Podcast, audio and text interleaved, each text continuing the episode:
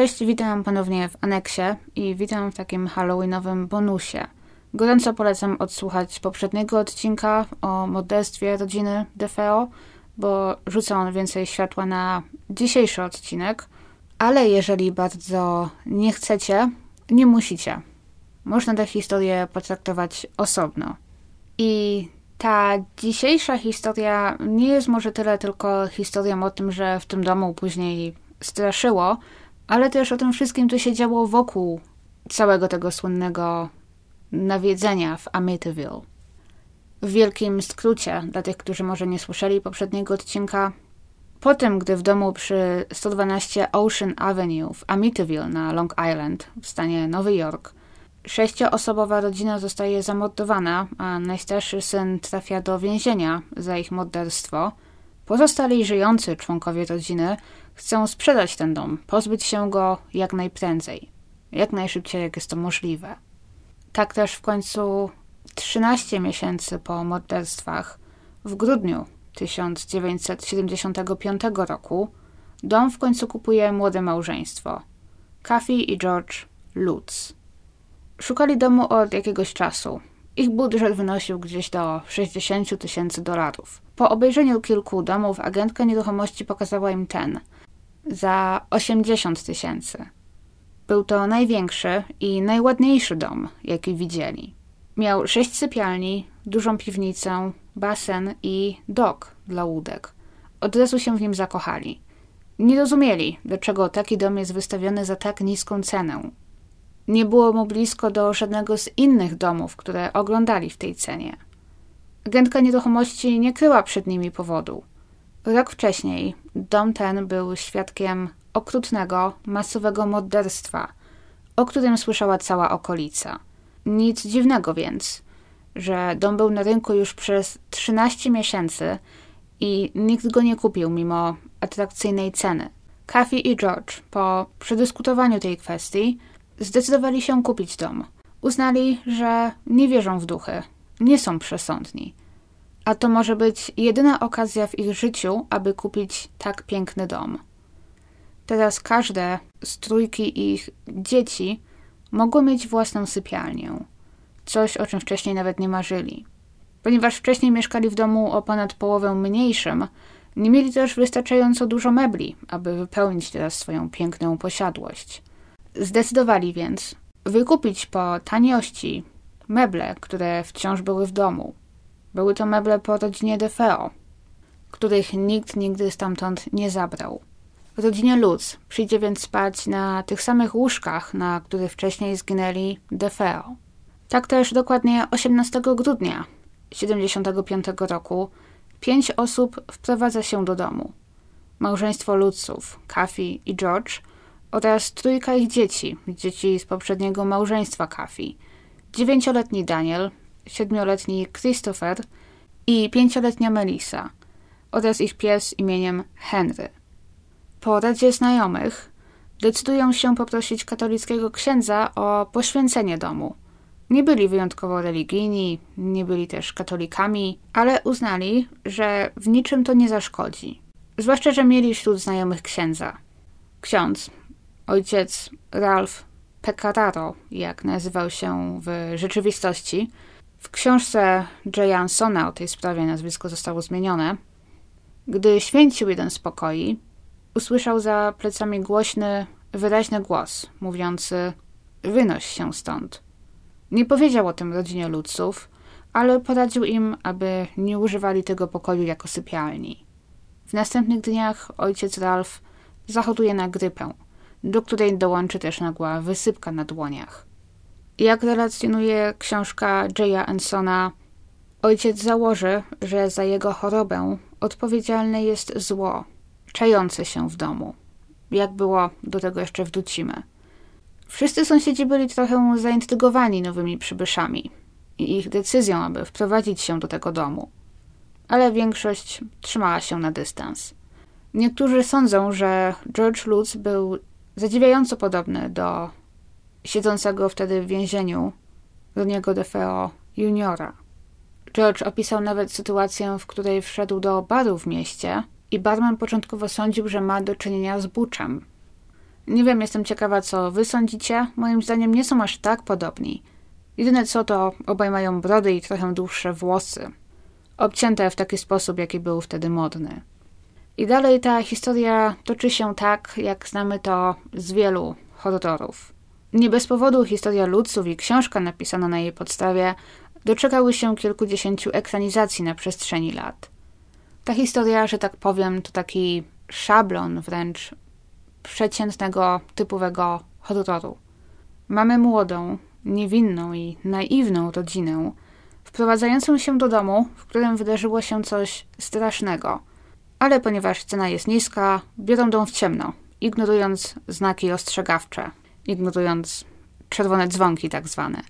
Ale gdy już się wprowadzają, to zaczyna ich straszyć. Najpierw trochę niewinnie i nieśmiało, a potem pełną parą, doprowadzając do kulminacji tych wydarzeń i ucieczki rodziny. Dzieje się tam wiele rzeczy, które pojawiają się w niejednym filmie. Kathy i George zaczynają być nerwowi, zachowują się inaczej niż zwykle, popadają w niemoc i ciężko im zabrać się za rozpakowywanie pudeł. George stale narzeka, że jest mu w domu zimno i spędza długie godziny siedząc przed kominkiem i podtrzymując ogień. Sprawdza też co chwilę termostat. Mimo, że temperatura sięga prawie 30 stopni w domu, on marznie. Staje się poirytowany i zły. Dzieci, które nigdy wcześniej nie sprawiały problemów wychowawczych, nagle stają się bardzo niegrzeczne w oczach rodziców, a ci po raz pierwszy w gniewie zaczynają je bić za karę. Powiedzą później, że nie byli wtedy sobą. Kafi wydaje się, że przedmioty same się przesuwają. Czuje zapach kobiecych perfum i zdaje jej się, że jakaś niewidzialna siła ją obejmuje. Pewnego dnia odkrywa, że muszle klozetowe we wszystkich łazienkach poczerniały, mimo że wcześniej były białe. Z trudem je doczyściła.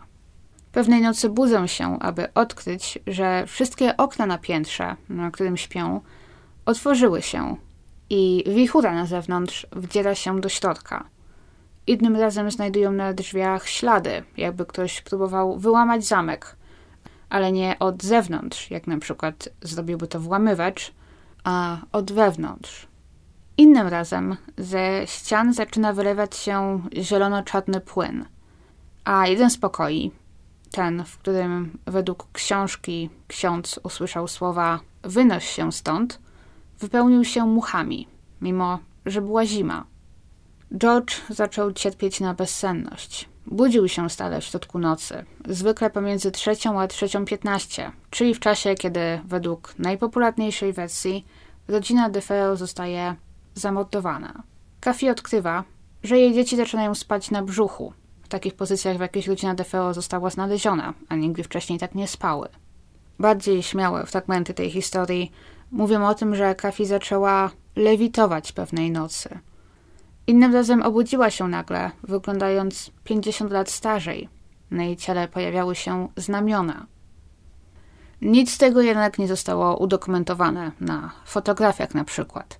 Raz usłyszeli muzykę grającą w salonie, a gdy George wszedł do środka, muzyka ustała, a wszystkie meble były przesunięte na jedną stronę pokoju. Jakby jakaś niewidzialna siła zdobiła im przemeblowanie. Po kolejnej, nieudanej próbie poświęcenia domu, ludzowie w końcu zabierają dzieci i 14 stycznia 1976 roku uciekają z domu, przenosząc się do mamy Kafi i porzucając w domu wszystkie swoje rzeczy. Nigdy więcej w tym domu już nie postawią nogi. Gdy o ich doświadczeniach zrobiło się głośno, wydawnictwo Prentice Hall wpadł na pomysł, aby wydać książkę na podstawie doświadczeń ludców. Kathy i George nagrali na taśmy opis swoich doświadczeń z każdego z 28 dni spędzonych w tym domu i wysłali je do pisarza, Jaya Ensona, który miał na ich podstawie stworzyć książkę, która też ostatecznie wyszła w roku 77 pod tytułem The Amityville Horror. Horror w Amityville. Dwa lata później wyjdzie pierwsza i chyba najsłynniejsza jej adaptacja filmowa. Ostatnio skończyłam słuchać tej książki. Nie udało mi się zdobyć wersji papierowej, więc wysłuchałam audiobooka. I ta książka ostatnio towarzyszyła mi w jesiennych spacerach i przed zaśnięciem. I odsuwając na bok wszystkie podejrzenia, czy historia jest prawdziwa, czy nie i co tam się wydarzyło, jest to książka, której niezwykle dobrze się słuchało jako historii. Narracja, chronologia, sposób w jaki wszystko jest opisane, świetnie się tego słuchało i myślę, że spokojnie można ją polecić. Jeżeli nie jako źródło faktów, to jako krótką opowieść. Po prostu. Jedynym słowem krytyki, jakie ja osobiście mam do tej całej historii, jest próba wyjaśnienia nadprzyrodzonych zjawisk w tym domu, tym, że dom został zbudowany na ziemiach starego cmentarza rdzennego plemienia Shinnekok, bo to miał być powód, dla którego w tym domu wydarzyła się tragedia i dla którego działy się tam dziwne rzeczy. Bo tak dokładniej w miejscu, gdzie rodzina DeFeo zaczęła wykopywać sobie basen, znajdował się cmentarz, co miało rozjuszyć pradawne duchy, które też opętały Roniego DeFeo juniora, a później straszyły ludców. Jednak członkowie plemienia Shinnecock wyjaśnili, że nie ma żadnych dowodów, aby w tamtym miejscu kiedyś znajdował się cmentarz, ani jakiekolwiek inne święte miejsce. Od siebie muszę dorzucić, że wszystkie te horrory, prawdziwe czy nieprawdziwe historie nawiedzeń, prawdziwe czy też nieprawdziwe historie nawiedzeń, które ludzie próbują wyjaśniać cennymi plemionami i ich cmentarzami, powodują, że zaczynam trochę wywracać oczami. Bo to jest takie kolejne klisze, jeżeli chodzi o horrory. Młoda, niewinna rodzina wprowadza się do nawiedzonego domu, a był nawiedzony, bo zbudowany na starym cmentarzu rdzennego plemienia. I to, co mi się w tym nie podoba, to to, że zawsze te historie przedstawiają duchy rdzennych plemion jako mściwe. Zawsze są złe, niebezpieczne, straszą i grożą naszym biednym głównym bohaterom. Dalibyśmy tym rdzennym plemionom i rdzennym duchom spokój. Potem, gdy ludzowie uciekli z domu, w marcu 1977 roku dom za kolejną niesamowicie niską cenę, tym razem 55 tysięcy, kupiło małżeństwo Jima i Barbary Cromarty, którzy mieszkali w nim przez kolejne 10 lat i nie zgłosili żadnych dziwnych wydarzeń, tak samo jak ludzie, którzy kupili dom po nich. Małżeństwo Lutz do końca życia utrzymywało, że ich historia jest prawdziwa. Mimo, że niektóre wydarzenia mogły zostać lekko zmienione na potrzeby książki. W 1979 roku nawet Kafi poddała się dobrowolnie testowi wariografem i przeszła go pomyślnie. Nie da się jednak ukryć, że w czasie, gdy rodzina Lutzów kupiła dom, byli w małych kłopotach finansowych. I kupując dom w Amityville, przeznaczyli na niego trochę więcej niż początkowo planowali. Opowiadają o tym zresztą w książce Jaya Ansona. Kafi zajmowała się domem i dziećmi, a George prowadził firmę, która jednak powoli popadała w długi i to trzymało go w stałym stresie. W czasie, gdy wprowadzili się do Amityville, George'owi wpadła też nagła kontrola do księgowości, powodując kolejne problemy. Nie da się ukryć, że rodzina zarobiła na tej historii, chociaż ciężko chyba powiedzieć, czy taki był ich zamysł od początku, czy od początku chcieli to zamienić w coś, co przyniesie im korzyści finansowe, czy może było to coś, co trochę stało się przypadkiem, ponieważ książka o ich przejściach w tym domu autorstwa Jaya Ansona sprzedała się w ponad 3 milionach egzemplarzy. Autor książki i ludzowie podpisali umowę, wedle której podzielili się przychodami po połowie. Potem, gdy uciekają z domu w Amityville, Kathy i George zaczynają udzielać wywiadów, opowiadają o tym, co się stało – biorą nawet udział w konferencji prasowej, która ma miejsce 16 lutego 1976 roku, miesiąc po ich ucieczce z domu, gdzie też odpowiadają na pytania. Ponieważ w tamtym czasie historia ponownie zaczęła trafiać do prasy. Historia o tym, że rodzina, która wprowadziła się do domu, w którym zginęli DeFeo, twierdzi, że ten jest nawiedzony, była czymś, co znów dobrze się sprzedawało, więc gazety rozpisywały się o tym – jednak konferencję w lutym zorganizował nikt inny jak William Weber, adwokat, obecny adwokat siedzącego w więzieniu Roniego DeFeo juniora. Okazuje się, że Webber skontaktował się z ludcami zaraz po tym, gdy ci opuścili Ocean Avenue. Nie wiadomo, co było jego głównym motywem. Możliwe, że było to wywalczenie nowego procesu dla swojego klienta. Bo zaczął teraz naciskać na taką wersję wydarzeń. Ronnie Defoe Jr. nie jest niczemu winny, bo w chwili morderstwa był opętany przez siły nadprzyrodzone, ponieważ cały dom jest nawiedzony, czego niezbytym dowodem jest historia rodziny Lutz. Ale po wielu latach Robert opowie, że całe to nawiedzenie w Amityville to była bójda, którą wymyślił razem z Lutzami. Gdy odkryli, że obie strony mogą na tym zyskać, on mógł pomóc swojemu klientowi oraz obie strony mogły zarobić na tej historii i wyjść z długów. Podczas długiego spotkania z Lutzami Weber pokazał im zdjęcia z miejsca zbrodni, opowiedział im o życiu rodziny i o tym, co tam się działo, i Lutzowie użyli tych informacji, nagrywając później swoją opowieść dla Jaya Ansona. Wpierw to zresztą Weber jako pierwszy wyszedł z propozycją napisania książki i skontaktował się z innym wydawnictwem, lecz i on chciał swoje udziały w tej historii. I potem, gdy Ludzom zaoferowano jedynie 12% udziału ze sprzedaży książki, ci podziękowali i sami znaleźli inne wydawnictwo, gdzie też otrzymali 50% udziałów. W późniejszych latach obie strony, to znaczy Ludzowie i Weber oraz kilka innych osób trochę się pokłóciło o te wszystkie rzeczy i posypało się dużo procesów. To znaczy obie strony zarzucały sobie kłamstwa, oszustwa, chęć zarobku i tak dalej. Jest też dużo innych nieścisłości, jeżeli chodzi o tę historię.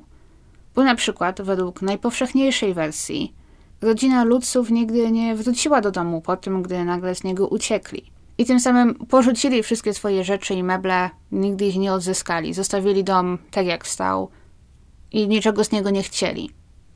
Ale nie jest to do końca prawda, jak się okazuje, bo oni rzeczywiście nigdy tam nie wrócili. To też miało dodatkowo wskazywać na to, że nie interesowały ich korzyści materialne.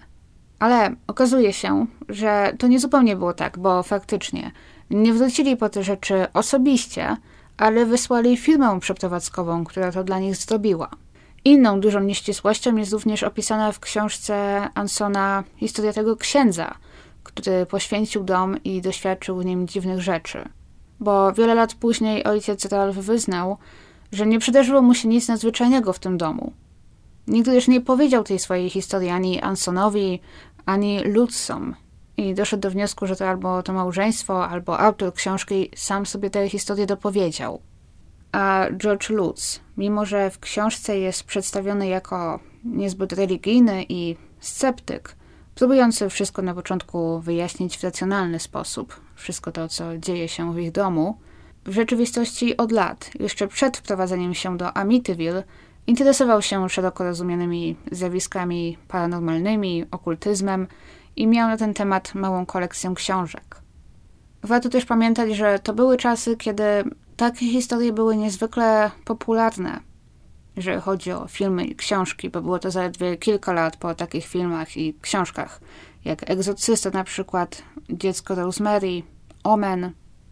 Innym znanym wątkiem tej historii jest też to, że gdy ludzowie uciekają z domu, dwa miesiące później, w 1976 roku, do domu przyjeżdżają m.in. słynni Ed i Lorraine Warrenowie, łowcy duchów i demonologowie, jak siebie nazywali. Ich również możemy kojarzyć z wielu horrorów i historii nawiedzeń. Pojawiło się tam też trochę innych osób im podobnych, twierdzących, że mogą nawiązać kontakt z duchami czy z tym, co tam znajduje się w tym domu. I w domu urządzono seans, takie wywoływanie duchów, i zaproszono na to prasę i przedstawicieli mediów. Mimo, że nie udokumentowano wtedy niczego konkretnego na zdjęciach, na nagraniach, Warrenowie mieli czuć w domu złą energię. Źle się czuć. Chociaż obecni dziennikarze powiedzą później, że nie czuli niczego nadzwyczajnego, ale reakcje Warrenów i innych mediów były przekonujące. Czuli oni złą energię w domu, czuli chłód, nawiązywali kontakt z duchami, jak twierdzili. I okej, okay, może pośpieszyłam się z tym, że niczego nie udokumentowano, bo zrobiono jedno zdjęcie, obecnie niezwykle słynne zdjęcie, chłopca stojącego w drzwiach. Po tamtej nocy również rozstawiono aparaty i fotografowano dom. I na jednym zdjęciu wyraźnie widać postać chłopca stojącego w drzwiach i patrzącego w obiektyw. Wszyscy obecni w tym domu zgadzają się, że nie było w nim żadnych dzieci. Jedna teoria mówi, że jest to duch jednego z chłopców DeFeo, Marka albo Johna. Inni uważają, że jest to jakiś sprytny trik ze strony Warrenów. Aby nadać sobie wiarygodności i przekonać media, że dom faktycznie jest nawiedzony. Jak było naprawdę, każdy z nas może sam zdecydować, w co wierzy.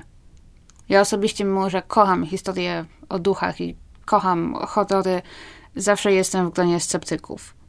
Ale historia z Amityville nie da się ukryć, jest jedną z takich najpopularniejszych historii nawiedzonych domów. Mimo, że osobiście uważam, że to ta oryginalna, powiedzmy, historia, historia prawdziwych morderstw w tym domu jest moim zdaniem znacznie ciekawsza niż ta o nawiedzeniu. Jestem ciekawa, co wy sądzicie i w co wierzycie. Kathy i George Lutz rozwiedli się w latach 80. Ona zmarła w roku 2004, on w 2006. Do końca życia twierdzili, że to, co przydarzyło im się w Amityville, to, co opowiedzieli, jest prawdą. Dom przy Ocean Avenue stoi dalej. Obecnie po renowacjach wygląda zupełnie inaczej. Ma białe, ładne panele, a te dwa złowieszczo wyglądające niektórym okna z przodu zostały zmienione na inne.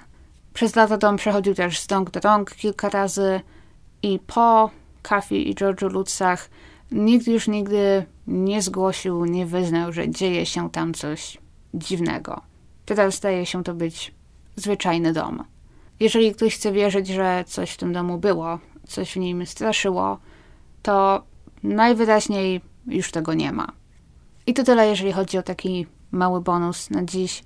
E, słyszymy się jak zawsze w niedzielę. Trzymajcie się mocno, jesteście super i do usłyszenia.